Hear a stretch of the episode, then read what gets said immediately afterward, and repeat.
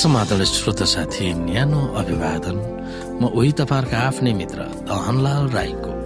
श्रोता साथी आज म तपाईँको बीचमा बाइबल सन्देश लिएर आएको छु। आजको बाइबल सन्देशको शीर्षक रहेको छ प्रत्येक अवसरको निम्ति भजन।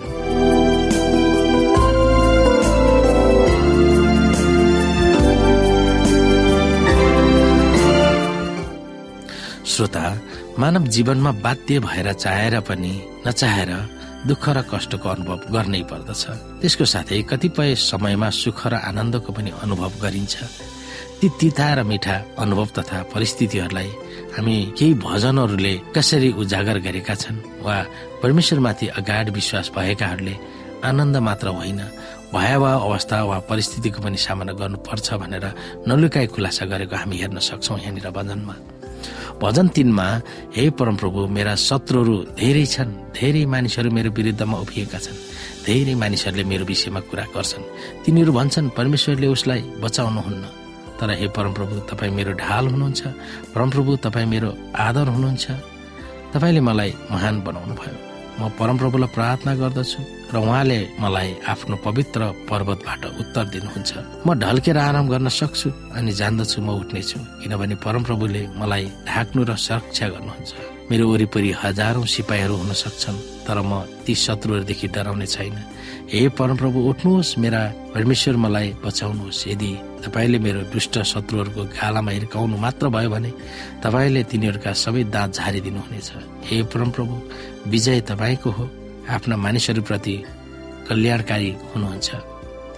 यसै गरी हामी भजन सङ्ग्रह तेत्तिस अध्यायको एकदेखि पाँचलाई पनि हेर्न सक्छौँ। हे असल धार्मिक मानिसहरू परमप्रभुमा आनन्दित हो उहाँको गुण गाउनु मानिसहरूका लागि राम्रो हुन्छ। बिडा बजाएर परमप्रभुको स्थिति गर दस्तारे सारङ्गी वा गिटार बजाएर परमप्रभुको भजन गाऊ।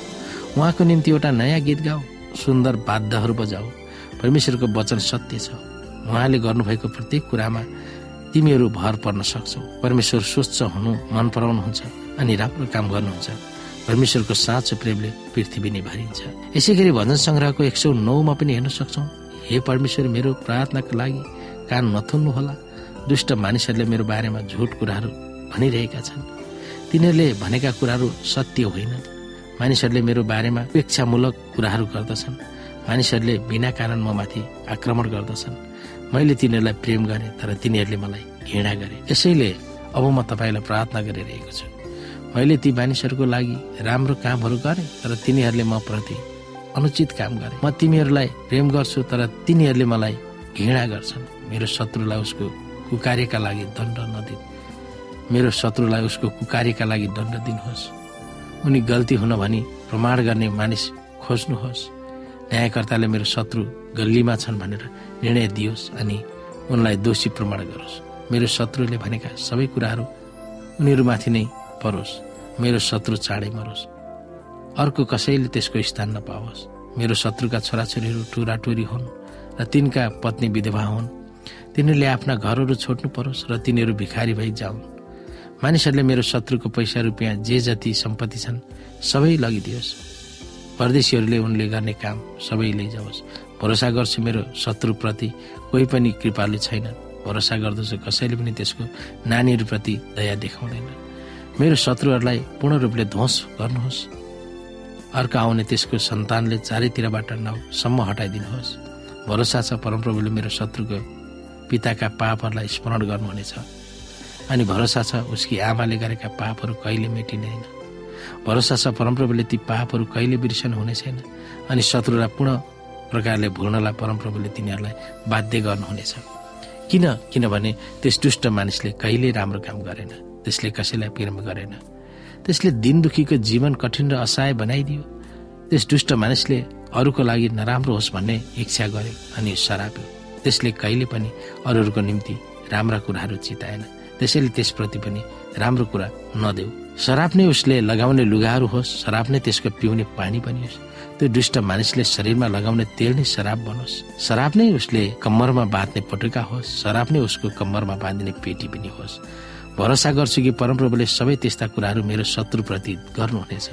भरोसा गर्दछु कि परमप्रभुले सबै त्यस्ता कुराहरू जसले मलाई मार्ने प्रयास गरे। मानिसहरूका लागि गर्नुहुनेछ। हे परमप्रभु तपाईँ मेरो स्वामी हुनुहुन्छ। यसकारण त्यस्तो प्रकारले मलाई सद्व्यवहार गर्नुहोस् जसबाट तपाईँको नाउँलाई सम्मान पुर्याउनेछु। तपाईँसँग त्यस्तो महान प्रेम छ। यसैले मलाई बचाउनुहोस्। म खाली गरिब असहाय मानिस। हुँ म वास्तवमा उदास छु। मेरो हृदय टुक्रा टुक्रा भएको छ। म त्यस्तो अनुभव गर्दछु कि मेरो जीवन अब शेष भइसक्यो। दिनको अन्तिम प्रहारको लामो छाया जस्तो म आफूलाई बढारेर फ्याँकी जाने किरा जस्तो लाग्छ। मेरो गोडाहरू कमजोर छन् किनभने म म भोको छु। मैले आफ्नो भोजन हराइसकेँ अनि दुब्लो भइरहेको छु।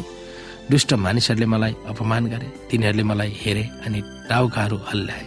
हे परमप्रभु मेरो परमेश्वर मलाई सहयोग गर्नुहोस् तपाईँको स्नेहपूर्ण करुणा दर्शाएर मलाई बचाउनुहोस्। तब ती मानिसहरूले बुझ्नेछन् कि तपाईँले मलाई सहयोग गर्नुभयो। तब तिनीहरूले जान्नेछन् कि यो मलाई सहायता गर्ने शक्ति तपाईँको हो। ती दुष्ट मानिसहरूले मलाई सरापुन तर तपाईँले मलाई आशीर्वाद दिनुहुन्छ। तिनीहरूले मलाई आक्रमण गरे त्यसकारण तिनीहरूलाई हराइयोस्। तब तपाईँको दास म खुसी हुनेछु। मेरो शत्रुहरूलाई व्याकुल पार्नुहोस्। तिनीहरूले लासलाई कोट जस्तै लगाउन्। म परमप्रभुलाई धन्यवाद दिन्छु। म उहाँलाई धेरै मानिसहरूको समक्ष प्रशंसा गर्दछु। किन? परमप्रभु असहाय मानिसहरूको छेउमा बस्नुहुन्छ वा उभिनुहुन्छ। परमेश्वरले तिनीहरूलाई अन्य मानिसहरूबाट बचाउनुहुन्छ जसले तिनीहरूलाई प्राण दण्ड दिने प्रयास गर्दछन्। परमेश्वर प्रति आस्था र भरोसा राख्ने समाजमा रहेका मानिसहरू मानव अनुभव पूर्ण रूपमा भजन सङ्ग्रहले खुलासा गरेका छन्। साथै तिनीहरूको जीवनमा जुनसुकै परिस्थितिको सामना गर्नु परे तापनि तिनीहरू परमेश्वरको निष्ठामा अडिक भएर उहाँको उपासना गर्न सक्छन् भनेर पनि भजन सङ्ग्रहले प्रकट गर्दछन्। जुन परिस्थिति वा अवसरमा परमेश्वरको आराधना गर्न सकिन्छ भनेर हामीलाई बाइबलबाट देखाउँदछ। उदाहरणमा भजन सङ्ग्रह सत्र अध्यायका आठमा परमेश्वर हाम्रो शरण स्थान हुनुहुनेछ। तर त्यो प्रभावकारी रूपमा बुझाउन उहाँका पखेटाहरूको छायामा भनेको छ कुनै पनि सङ्गीतको भागको बीचमा एकछिन रोकेर अघि बढ्नुपर्ने बुझाउँदछ। यिनै शैलीहरूद्वारा भजन सङ्ग्रहको पुस्तक लेखिएको कुरा हामी बीचमा अवगत हुँदछ।